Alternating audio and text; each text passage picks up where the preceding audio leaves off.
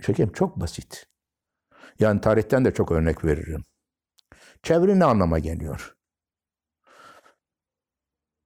Çevirdiğinize göre onu bir başka ülkenin sizden daha ileride olan, çeşitli konularda sizden daha ileride olan bir ülkenin kazançlarını ki bunun içinde fikirler var, duygular var, teknikler var. Hı? Kendi dilinizde ifade etmek veya kendi bilgi veya kendi birikim malzemenizi almak istiyorsunuz. E şimdi kim kimden çeviri yapar? Daha az gelişmiş, daha gelişmiş de çeviri yapar. Öyle değil mi? E hocam hiç Türkçeden çevrilmez mi? E, Türkçeden de çevirilir. İngilizce Yaşar Kemal çevrilir. Çünkü o da veya Gabriel Marquez de İngilizceye çevrilir. E niye çevrilir? E çünkü onun özel olarak sanatta bir durum var. Duyarlılığı, muyarlılığı, dünya görüşü çok özeldir. Yeni bir tarzdır o. Yeni bir üsluptur. Kendi dünyasında o üslup değerlidir.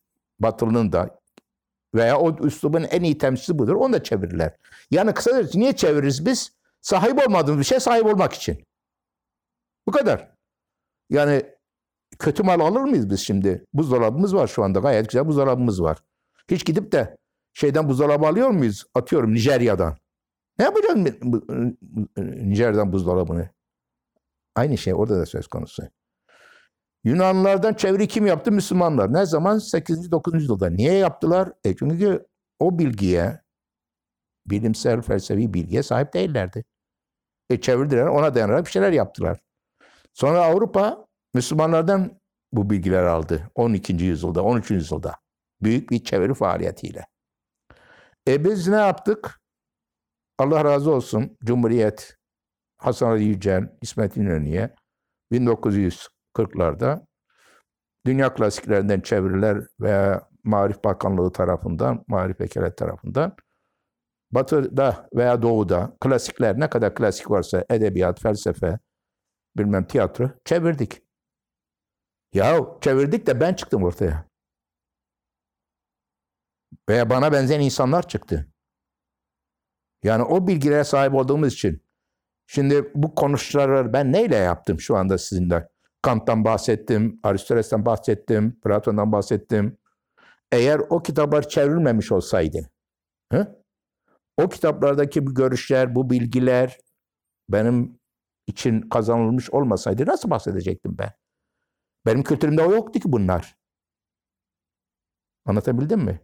Yani çeviri çok açık. Yani çevirinin amacı da belli. Çeviri sahip olmadığımız kazançlara, bak tekrar ediyorum, zenginliklere çeviri yoluyla sahip olmak. E canım her alanda bu bir aynı ölçüde değerli midir? Eh, her anda değildir. Yani ne bileyim Shakespeare'i çevirmekle Aristoteles çevirmek aynı şey değildir. Çünkü Shakespeare denilen adamın tiyatrosunun veya dramasının Shakespeare'in kullandığı dille de bir vardır. Hı? Şiir o kadar çok kolay çevrilmez. Hı? E ama Aristoteles'i çevirirsin. Bilmem anlatabildim mi? Yani bazı çeviriler, bilimsel, felsefi eserler çok çok daha çevrilebilir eserlerdir. Öyle diyelim. E, ama bazı Safon'un şiirleri, Homeros'un çevirisi.